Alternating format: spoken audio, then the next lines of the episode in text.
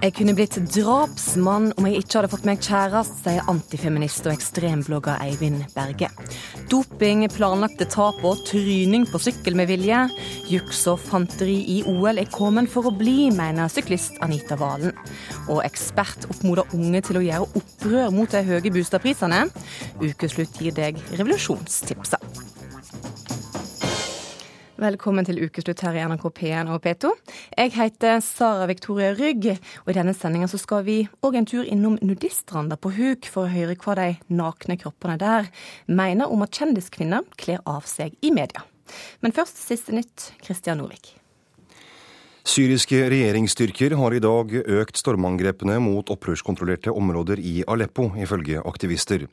I tillegg skal styrkene ha tatt tilbake kontrollen over bydelen Tadamon i hovedstaden Damaskus etter kraftige kamper mot opprørerne. Det hevder eksilgruppen Syrian Observatory for Human Rights. Eksilgruppen sier også at regimet utførte et luftangrep. Iran har skutt opp en testrakett med en rekkevidde på 300 km, ifølge det iranske nyhetsbyrået. Den iranske forsvarsministeren sier testen var vellykket. Iran blir beskyldt av vestlige land for å bruke sitt sivile atomprogram for å prøve å bygge en atombombe. En bingohall på Majorstuen i Oslo ble ranet like etter klokken ti i formiddag. Kvinnen som var på jobb har forklart politiet at en mørkhudet mann kom inn og truet henne med pistol. Han skal ha fått med seg et stort pengebeløp, og politiet skal nå gå gjennom videoopptak fra stedet. Det skal brukes et helikopter for å frakte ned de seks kalvene som står fast på en fjellhylle i Vågan i Nordland. For sjette dagen på rad står kalvene fast på fjellhylla 650 meter over havet. Fire kalver har allerede falt i døden. Store mengder regn har ført til dårlige spilleforhold under årets Norway Cup. Nå krever tidligere byråd i Oslo, Gøran Kalmyr, at det blir bygget kunstgressbaner på Ekebergsletta. Kalmyr mener byantikvaren i flere år har satt en stopper for utbyggingen av kunstgressbaner på området, og byantikvaren påpeker at det aktuelle området er fredet etter kulturminneloven, og at det er blitt gjort eh, arkeologiske funn fra stenalderen. De har i stedet foreslått en alternativ beliggenhet for kunstgressbane på området, uten at det har blitt fulgt opp. Og nå fortsetter ukeslutt, hvor det først skal handle om juks og fanteri i OL.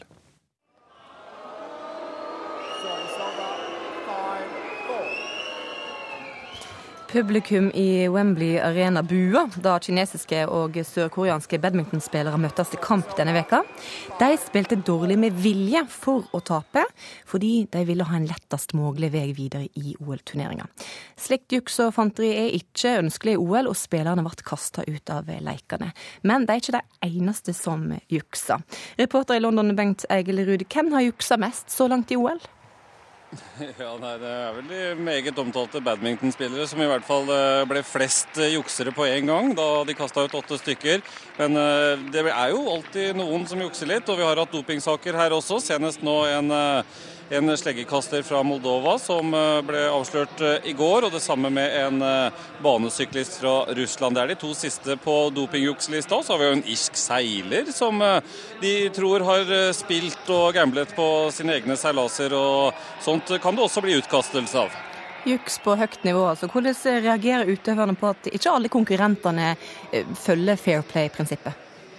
Det er jo ingen som liker det, men eh, de har vel nå innsett at eh, det er eh, mange som vil bruke alle midler for å oppnå måla sine. og at det er folk som strekker det til det ytterste. Og så håper de at regelverk og de som undersøker sånt og følger med på sånt, skal slå ned på det og renske ut disse elementene, slik at vinnerne er de riktige til enhver tid. Men selv om det er noen utøvere i OL som jukser, så er det jo viktig å understreke at det er noen som bare vinner rett og slett fordi de er best. Men ikke engang talent kan hindre at du blir anklaga for juks, Bengt Eggelrud. Nei, det er helt riktig. Det er jo sånn at når man plutselig kommer og er fryktelig god, og hvis man da i tillegg er veldig ung og kommer fra et land som Kina, så, så kan jo mistankene bli retta mot deg med en gang. 16 år gamle Shiven Ye, som vant 200 meter medley i svømming her eh, og svømte forrykende fort. Da kom selvfølgelig dopinganklagene med en gang, men eh, hun er ikke tatt for noe. Har levert flotte svømmeprestasjoner, og sånn sett så, så så er jo det også litt av medaljens bakside. da, Skyggesiden der hvor, vi, hvor man går og skuler litt på hverandre. London-korrespondent Gry Blekastad Almås har møtt OL-publikum som har fått med seg ryktene om juks i svømmebassenget. Obviously, we heard about that Chinese girl, but I feel kind of bad for her. Like the doping scandal wasn't even really a doping scandal, someone accusing someone else. If that's the worst that they can say, then I think we're doing pretty good so far. Three, two, one. Det er ingenting å si på stemningen i OL-parken øst i London. Den er stappfull av fornøyde tilskuere. De synes fornøyde uansett om landet deres vinner eller taper. Men de har altså fått med seg mistankene mot den 16 år gamle kinesiske svømmeren Ye Shiwen, som ifølge kritikerne svømmer for fort til at det kan være sant. Men Johnny Clark mener kinesiske utøvere er ofre for landets dårlige rykte. China get branded with their, their name. Quite upset actually because um, just first Olympics, win your gold medal, and then someone turns around like that. But... I mylderet av mennesker finner vi også familien Pitt. De har fått med seg de åtte badmintonspillerne som ble utvist etter at de prøvde å tape kampene sine. They shouldn't do that, no. It's not the spirit of the of the of the, of the games. Just not right. Just not right. That's it. Full stop. Rafaela Pitt håper de store skandalene uteblir fra London-OL. Og pappa Tyrone Pitt tror sjansene for det er gode. Han mener metodene for å avsløre doping og juksemakere er blitt så gode at han stoler på at de blir tatt. The doping is so efficient now, the detection of doping, that really I, I, I think you'd be stupid to, to compete here and, and use, use uh, steroids or other such enhancement drugs. You don't need to. But do you think they have the means to actually find out what oh, yeah, people are doing? So, well, as in as a public, they, we think so, but uh, we obviously we don't know. Three, two, one. Sigmund Loland, du er professor på Idrettshøgskolen, og eh, du jobber med idrett og etikk. Hvor mange jukseprøver kan vi regne med deltar i OL? Oh, det var litt av et spørsmål. Det finnes jo juks i mange former, men jeg går ut fra at du nå snakker om doping. Ja, f.eks. doping. Mm. Og um, de, selve prøvene i, i, London vil det tas 5000 dopingprøver. Ca. 5000. Og tidligere erfaring viser at under 1% av de 5000 har positive utslag. Så hvis vi skal se på den type statistikk, så er det ikke mange. Eh, men det er jo en illusjon å tro at du tar alle. Som på alle andre samfunnsområder der du har regler, restriksjoner og kontroller, så tar du noen, men ikke alle. Nå er det noen som blir kasta ut av OL pga.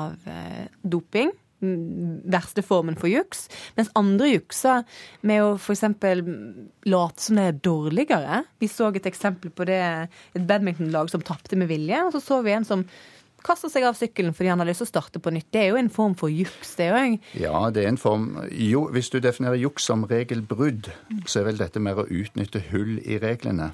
Så er det en sånn gråsone. Det er usportslig opptreden, sier man gjerne. Og det, disse badmintonspillerne de ble jo sendt hjem pga. usportslig opptreden. Ingen ville vinne fordi de ville ha lettere motstand i kvartfinalen. Så kan du si at der ligger det òg et ansvar på de som driver kampoppsett og har strukturen i konkurransene, at sånne situasjoner blir mulige. Det er usportslig av utøverne, og så er det òg en svakhet i selve regelstrukturen og kampoppsettet. Syklist Anita Valen, du ble anklaga for å jukse i 2003. Da oppdaga de for høye verdier av koffein i blodet ditt. Senere ble du frikjent. Det viser seg at du rett og slett hadde drukket litt for masse kaffe. Hvordan er det å bli anklaga for å jukse? Eh, ja, å bli anklaget for noe man ikke har gjort, er jo eh, i det hele tatt eh, veldig vondt. Sånn som min situasjon var. Den var ganske unik fordi jeg hadde vært borte fra sykkelsporten i 15 år. Kom da med et comeback. Alenemor med to unger. Og det var vel egentlig veldig få som hadde tro på at jeg egentlig skulle klare å bli kretsmester en gang. Og etter et norgescupåpningsløp i, eh, i Norge, Kristiansand, så fikk jeg den beskjeden eh, etter at jeg hadde vunnet og var på vei hjemover i bilen. Skulle sette meg inn og kjøre, da fikk jeg den beskjeden. Og da raste jo selvfølgelig alt sammen for meg. Så den turen fra Kristiansand hjem til Skien, den husker jeg ikke mye av. Så det var en veldig, veldig lang og vond, eh, vond prosess jeg gikk igjennom. Men, men du ble anklaga for å jukse, men hadde ikke gjort det. Men hvorfor tror du det er så mange som blir freista til å jukse i OL f.eks.? Jeg tror eh, Altså Idretten i seg selv er jo bare blitt eh, en sinnssyk eh, stor eh, pengebinge. Eh, det står veldig mye penger på spill i veldig mange idretter. Og eh, det kan jeg tenke meg er trekkplasteret for veldig mange til å ville jukse. Mm. Alex Alexander, du er vil jeg si, en profesjonell juksemaker. Du er illusjonist. Eh, Så du lever rett og slett av å lure og jukse. Kall det hva du vil. Ja. Hvor hvor flinke er de som vi har sett jukse i OL, syns du? De er jo ikke flinke nok når de blir tatt, da. Mm. For å si det sånn. Eh, men eh, altså, i det store hele altså, Jeg liker jo sport, jeg er jo en sportsperson selv. Men eh, altså, som jeg pleier å si i forhold til mine ting, I only use my powers for good.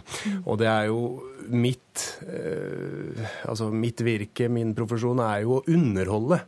Sant? Og, men det er jo veldig mange ute i verden som faktisk også bruker tryllekunst og illusjoner og, og bedrag rett og slett da, til, eh, til egen vinning. Mm. Men hva er forskjellen på at du eh, lurer folk, og at eh, noen som deltar i OL, lurer seerne, f.eks.? Fordi at når folk kommer for å se meg, så vet man at å, nå vet de de skal bli lurt.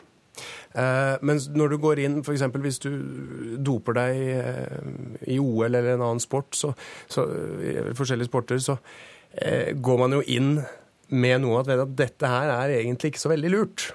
Og da spør jeg liksom spørsmålet hvorfor gjør man det da? Er det selvtilliten? Er det at man må eh, For jeg tenker hvis selvtilliten er 100% på topp, så, så trenger du jo ikke å ha noe ekstra eh, for å kunne Da mener jeg at da bør det være drakraft nok, da. Eh, Så jeg tror heller at så lenge selvtilliten er nede, at selvtilliten er lav, så tror jeg det er mer at du er bekymret for at nei, dette er ikke sikkert jeg fikser. Og så blir man stressa, og da, da tror jeg kanskje det er lettere å, å ty til andre ting. Da. Jeg vet ikke. Ja, jeg tror, jeg tror eh, vi er inne på noe viktig her. Jeg tror at eh, veldig mange eliteutøvere i dag blir veldig avhengig av alle eksterne eksperter og ekstern teknologi og medikamenter og ditt og datt. Det du ser i eliteidrett, som du ser i din bransje, er ekstremt avansert, eh, ekstremt avansert menneskelig ekspertise. Og der må du ha selvtillit. Du må tro på deg sjøl. Og blir du avhengig av medikamenter og ulike typer teknologier og eksperter over en lav sko, så har du dårlig selvtillit. Og det er en drivkraft. På den annen side så er det viktig å si at noen medikamenter, f.eks. anabole steroider i kraftidretter, er ekstremt effektive. Mm. De gir stor prestasjonsframgang. Eh, Det gir rå styrke, som er viktig i en del idretter. Det er òg en realitet. Så eh, ja, det har med selvtillit og tro på seg sjøl å gjøre. I noen idretter er det òg sånn at dersom noen bruker noen av de medikamentene, så har de automatisk et forsprang. Og da kan til og med god selvtillit komme til kort i enkelte situasjoner, dessverre. Men altså, da tenker jo jeg eh, Når du, du, da, du Det du risikerer, det du setter på linja her da, ved å gjøre det, det er jo å bli tatt. Og så får du kanskje ikke lov å konkurrere eller drive med faktisk det du syns kanskje er morsomst i hele verden. Yes, du har endelig kommet dit at dette skal jeg få lov å drive med. Og så må du på en måte jukse deg dit, da. Ja, det er, en, det, er en, det er en risiko du tar, Mm. og du skal se deg sjøl i øynene som idrettsutøver. og Du skal være stolt over dine seire, og det er vanskelig for oss å se for oss, forestille oss eh, hvordan mennesker som konsekvent har juksa seg fram, får den gleden av det de har gjort. Så er det idretter der veldig mange går på dop, og der noen sier at det er bare de dumme som ikke går på dop. Og det er faktisk fair å gå på dop. Anita Valen, hva tror du eh, juks eh, og- og fanteri gjør for eh, idretten, og f.eks. OL?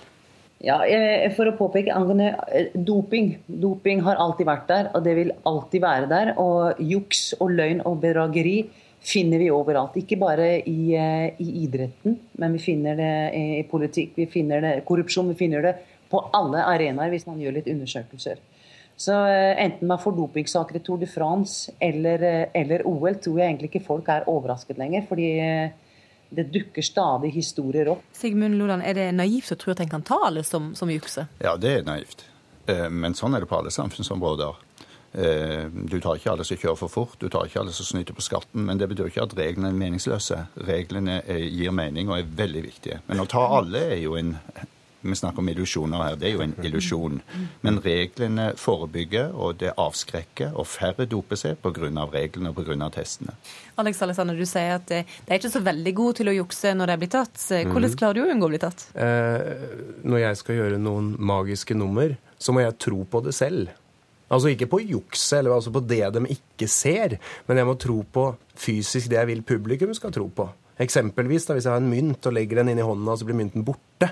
Men egentlig så ligger den igjen i andre hånda. Det er ingen som ser, ingen som får med seg. for det er så troverdig, for jeg tror selv at jeg faktisk holder den mynten i hånda. Og, og det tror jeg gjenspeiler seg veldig mye i alt vi gjør. Så lenge du tror på det selv, det du gjør, eh, tror jeg er veldig veldig viktig. For at med en gang du mister kontrollen, så blir man stressa. Man kan fort altså Det er jo utrolig mange tegn til, eh, til hva som kan røpe deg. da. Sigmund Loland, eh, nå har vi sett litt igjen juks og fanteri denne veka i OL. Hva tror du vi sitter igjen med når OL er ferdig? Eh, vi sitter igjen med mye store øyeblikk. Store idrettsøyeblikk, drama. Toppidrett er menneskelig drama, moralske drama. Du ser ikke bare forbildene, men du ser òg mennesker som faller, som feiler, som angrer, som er dårlige tapere, gode tapere. Det setter følelsene våre, de store emosjonene våre, litt på spill. Og jeg tror vi sitter igjen med mange gode og sterke idrettsminner. Så vi glemmer jukset? Vi tar med oss det òg. Det er en del av dramaet, dessverre. Men det er en del av det moralske dramaet. Mm. Mennesker som feiler. Noen reiser seg igjen og står opp og klarer seg godt. Andre blir liggende. Og så eliteidrett er et moralsk drama. Takk til deg, Sigmund Loland, Alex Alexander og Anita Valen. OL-reporter Bengt Egil Ruud, i kveld så skal Erik Tysse i elden. Han var dømt for dopingbruk for to år siden, men han har nå sona dommen ferdig og er tilbake i Norge sin OL-tropp. Det er det flere som har vært kritiske til. Hvorfor det? Det er mange som mener at folk som er eh, utestengt for eh, doping, eh, er, skal dømmes en gang for alle i forbindelse med mesterskap og særlig olympiske leker, og ikke få være med. Det var jo regelen tidligere også.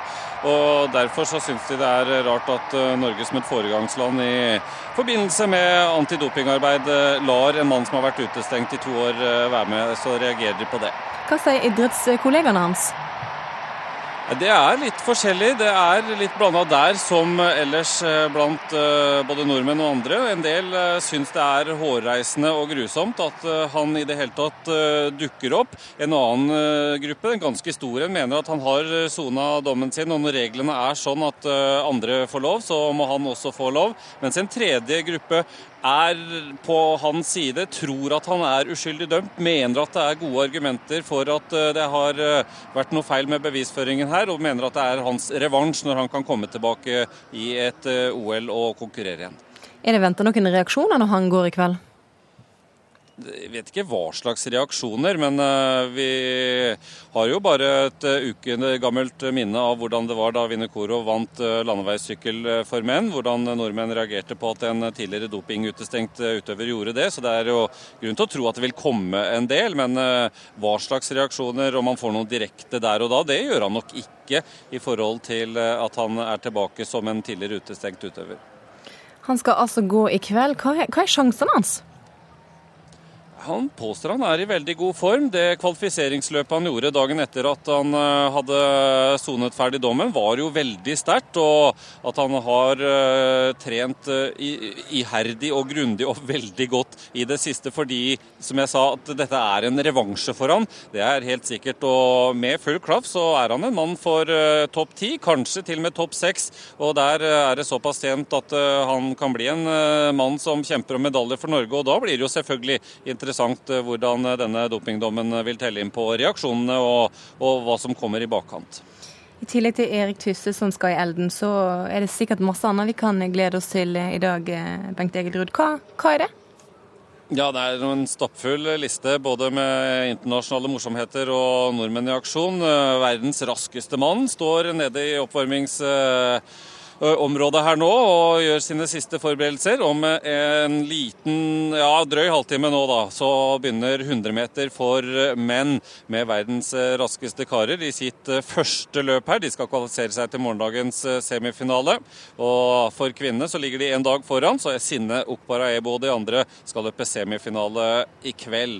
Og det blir jo noen ordentlige morsomheter. I svømmearenaen kan Michael Phelps sikre seg sitt fjerde gull i dette OL og sitt 18 totalt. Og for de som er glad i tennis, så møtes Serena Williams og Maria Sharapova i et skikkelig spennende oppgjør eh, på Wimbledon. Det blir moro du får kose deg i London, eh, Bengt Egil Ruud. Ja, det er morsomt med god idrett, så det er lett. Denne veka kom Høyesterett fram til at bloggeren Eivind Berge ikke kan straffes for å ha oppfordret til drap på politimenn. 34-åringen sier han har moderert seg pga. kjæresten Natalia, som han har vært sammen med i ett år. Ukeslutt sin reporter Marie Lavik har fulgt paret gjennom ei hektisk veke. Han er en veldig søt person som er veldig uh, hyggelig å være sammen med. Ikke noe negativt, på en måte. Du har tidligere sagt til Bergens Tidende at eh, du ville ligge med Eivind fordi at det var ingen andre som ville det. Ja, det er sant. Er det noe som flere jenter burde gjøre? Kanskje det er noe man bør gjøre hvis man uh, virkelig har lyst. Men jeg syns det er uh, en god måte å kanskje spare liv. Natalia Kosjarkova har på seg blomstrete sommerkjole. Det lange, røde håret har hun samla i ei flette. Ordet 'heit' står tatovert på handa. Hun kikker bort på kjæresten Eivind Berge. Nei, Jeg skulle ønske flere kvinner var, tenkte sånn, men det, de er sjeldne. Men du syns ikke det er kjipt da at kjæresten din sier at liksom 'jeg vil ha meg med deg fordi at det er ingen andre som vil'? Nei, det får bare heller være sånn. Jeg vet at uh... Jeg tror ikke det er sånn noen tenker nå om meg. Er det sånn du tenker om meg nå? Hvordan? At du gjør det bare for å synes synd på meg nå? At det er derfor du er sammen med meg nå? Så. Ikke i det hele tatt. Jeg tror ikke det er mulig å utholde så veldig lenge med noen bare fordi man føler synd på den. Nei, jeg tror ikke det er mulig. Du har laga tegneserier, du løfter vekter, og du skriver mastergrad nå. Altså, Du virker jo ikke som ei jente som liksom lar deg kue av mannen. Vel, jeg lar meg ikke kue av noen. Det at uh, jeg, har, jeg, bestemte å være sammen med ham, det var på en måte mitt valg. Natalia ble interessert i Eivind Berge pga. antifeministbloggen hans. Det ble også politiet i Bergen. Jeg planla å angripe en politimann med kniv en lørdagskveld på Torgallmenningen i mengden av fulle folk. Jeg tror jeg hadde hatt en rimelig god sjanse til å ta knekken på feministsvinet. Dette var et av sitatene fra bloggen som fikk politiet til å sikte Eivind Berge for å oppfordre til drap. Da bare vil jeg eh, gjøre klart hva jeg mener om politidrap. Så Det var jo bare en diskusjon med en annen uh, som kommenterte der, om hva jeg mente om det. Kan du se for deg at du går på vei mot Torgallmenningen med en kniv i hånda? Jeg kunne se det på det tidspunktet, så var det helt uh, konsistent med sånn jeg følte meg. Eivind Berge hater politiet fordi han mener de håndhever feministiske lover som straffer menn som kjøper sex, eller som voldtar. Og det, det kvinner faktisk gjør med all den friheten de får av feminismen, det er å velge vekk flere menn. Sånn at det blir flere tapere. Det er det motsatte som skjer av at det blir mer likt. Um, bare prøv å forstå, forstå, hva du sier. Du sier at, at kvinner tar makt ifra menn.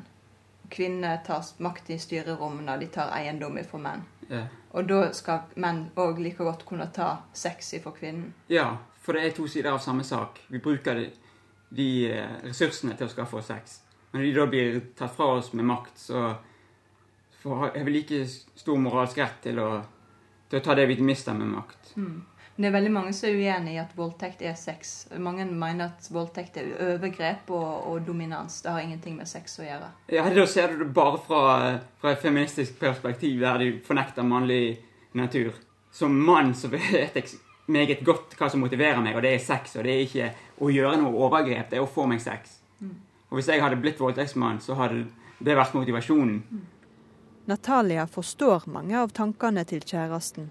At hvis uh, en kvinne tar opp en lederplass, f.eks. ved kjønnskvotering, så er det kanskje en mann der ute som har blitt en taper. Og han lider veldig, veldig sterkt pga. det ufrivillige sølibatet. Og uh, noen har til og med sagt at det kan være like smertefullt som en voldtekt, f.eks. Vi har et samfunn som til dels er feminisert, og som i enda høyere grad er avmaskulinisert. Og det tror jeg er en viktig grunn ja, til at vi får sinte menn som Eivind Berge. Arild Broch kaller seg maskulinist, og kjenner seg igjen i meningene til Eivind Berge.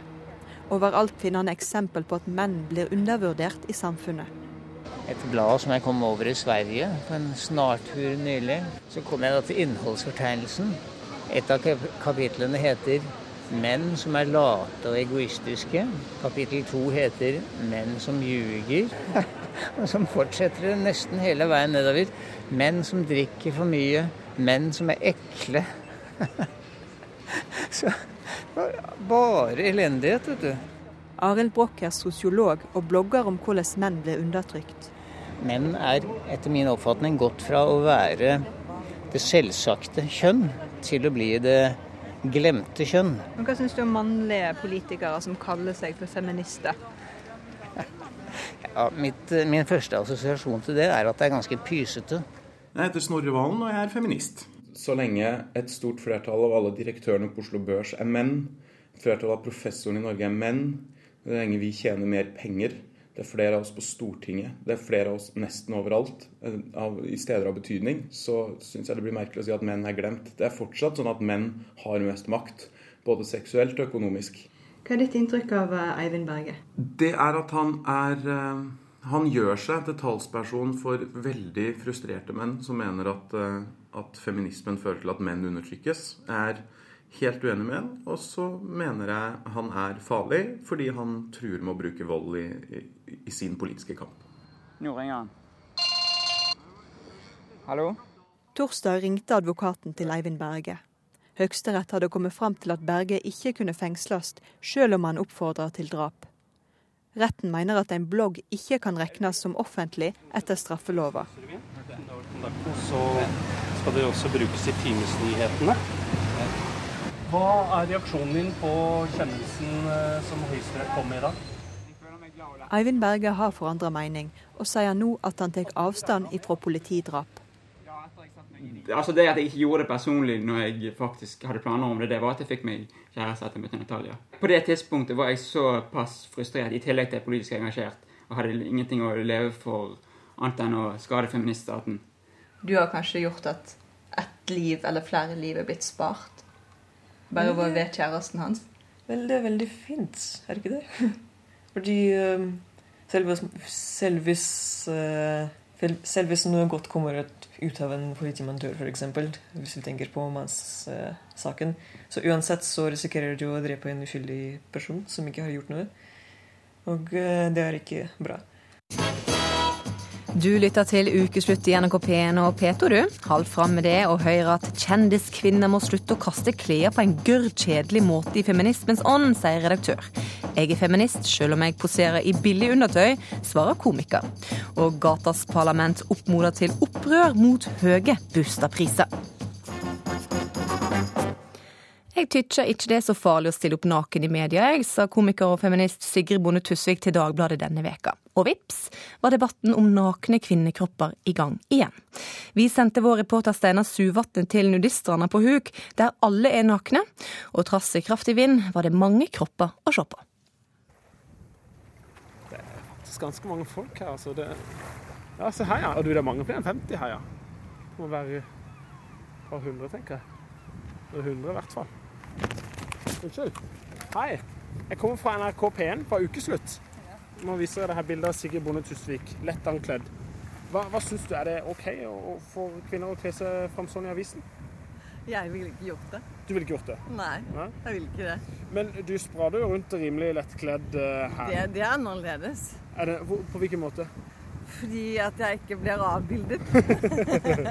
og mangfoldiggjort. Og fordi at jeg er på et sted der alle de andre er nakne. Kan man påberope seg å være feminist samtidig som man stiller opp i rosa undertøy i Dagbladet? Jeg vil ikke si det. Syns du det er greit at kvinner stiller opp eh, halvnakne i media sånn som dette? Selvfølgelig. Du syns hun er ganske flott? Ja, hun er jo flott. Hun er morsom òg. Ja, morsom òg. Ja. Hun har bevisst at hun har mye mellom øra også. Eh, Hva, hvordan føler du når du er naken på, naken på stranda? Ser jeg sjenert ut? Nei, nei, overho- overhodet ikke. Hei. Syns du det er OK at kvinner er halvnakne i media? Nei, det behøver ikke være det. Behøver ikke være det. Men du har vært på Nudistene her, så du har jo vært naken Jeg har vært tidligere. naken. Men er det, er det en Men jeg stiller meg ikke ut i media. Nei, for det- Er det en forskjell på å være naken her og på å være naken i media? Ja, det er det. Godt med is i varmen? Jeg er ikke noe bekymra for søl på badebuksa heller, akkurat? Nei. Veldig greit. Så fort ei kjendisdame stikker seg fram litt smålekker og delvis naken i aviser og blader, så blir det diskusjon. Det varte også denne veka da komiker Sigrid Bonde Tusvik eh, sa at hun ikke ser noe problem med å være naken på trykk. Sigrid Bonde Tusvik, hvorfor er det greit å stille opp halvnaken i media?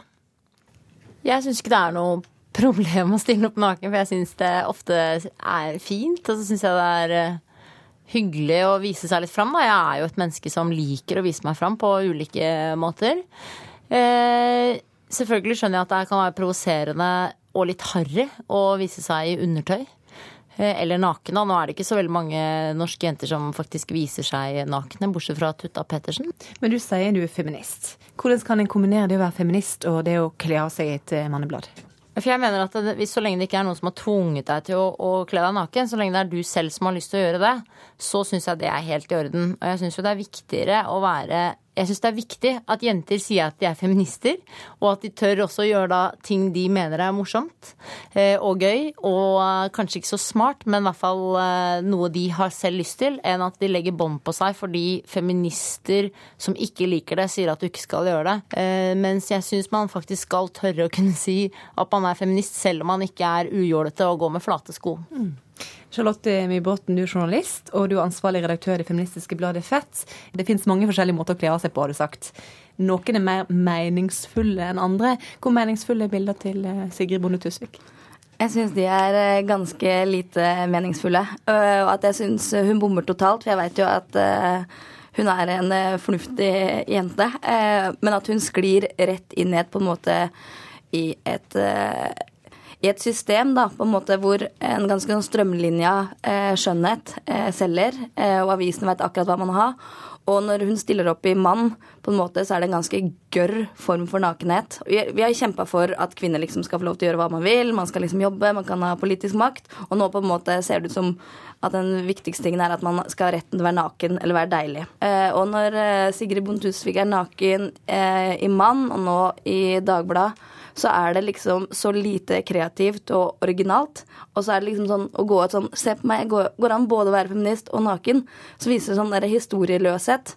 Og som det ikke går an å løsrive fra de faktiske forholda man også har i Norge nå når det kommer til ungdom og kjønn. Nå mener jeg at ikke at eh, Sigrid Bonde Tusvik bærer alle Norges ungdommer eh, på sine skuldre og må være et godt forbilde for alle.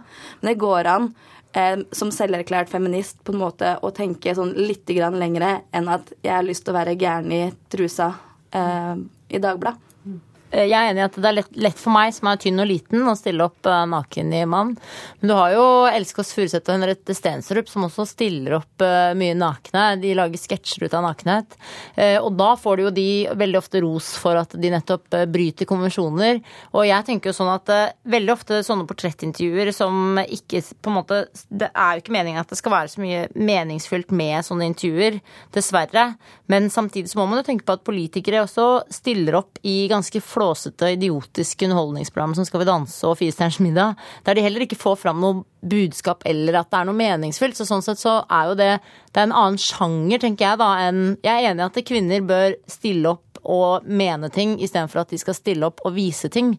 Men det er veldig synd hvis eh, feminismen skal handle om det visuelle uttrykket, da. For det mener jeg ikke har noe med feminismen å gjøre. Og det er derfor jeg mener at det er greit å stille opp naken. Dere er, tydeligvis, dere er begge feminister, men er tydeligvis uenige om hva det er å være feminist. Hva er det å være feminist for deg, Charlotte? Nei, eller, eller, eller, eller mer sånn opptatt av hva slags feminist feminisme som er effektiv. Og f.eks. i Norge, hvor man har en, en, et land som har kommet ganske langt på veldig mange måter, så henger vi igjen på en del ting. Og det handler om kroppspress. Det handler om at unge jenter aldri har vært mer misfornøyde med sin egen kropp. Og det der med at det er fortsatt en viss kropp, eller en kropp man streber etter. Når du velger, eller tar Henriette Stenstrup og Elsk og Furuseth som eksempler, så syns jeg også det er en kul form for nakenhet, for de representerer et annet, eh, en annen type kropp som man ikke ser overalt, som ikke er mainstream. Og når på en måte Henriette Stenstrup stiller opp med kroppen sin og står med eh, den ene puppen i hånda, så er det en annen nakenhet enn og for et annen målgruppe enn å stå i mann. Eh, og da er ikke den nakenheten eh, sånn frigjørende på den måten. Ja, men Jeg tenker jo bare, jeg syns det er synd at man skal henge seg opp i Jeg syns ikke det er et sånn stort problem da, i samfunnet at eh, noen kjendiser Det er som regel artister, skuespillere eller idrettsutøvere som stiller opp naken. Man syns jo ikke det er så veldig grovt f.eks. at Petter Northug stiller opp i gullbaris. Sigrid Bonde Tusvik sier jo at uh, hun liker å litt å bli spurt om å kle seg halvnaken. Og syns det var litt stas å få litt den oppmerksomheten. Og du kaller det gørrkjedelig nakenhet. Hvordan kan Sigrid Bonde Tusvik, for hun kommer sikkert til å gjøre det igjen, være kul naken neste gang? Du må bli tjukk.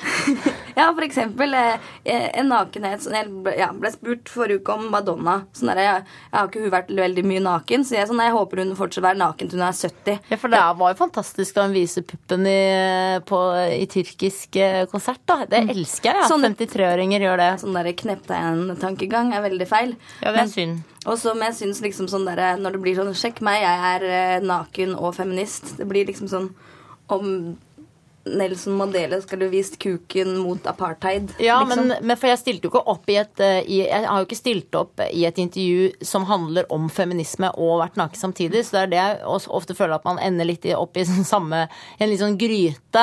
Men men jeg syns jo det viktigste altså for feminisme for meg er jo bare at man kjemper for eh, likelønn, at man kjemper for at kvinner skal være 100% i arbeid, og, og at man får likestillingen inn i alle hjem, og at det ikke er eh, skjevfordelinger der. Så det er jo derfor jeg på en måte står inne for å være feminist, selv om jeg da eh, dessverre, stiller opp i eh, ganske billig eh, undertøy i eh, lett kulørte blader. Ukeslutt er over for i dag. Ansvarlig for sendinga var Ida Tune Øretsland. Frode Thorshaug holdt orden på teknikken, og Sara Victoria Rygg takker for følget.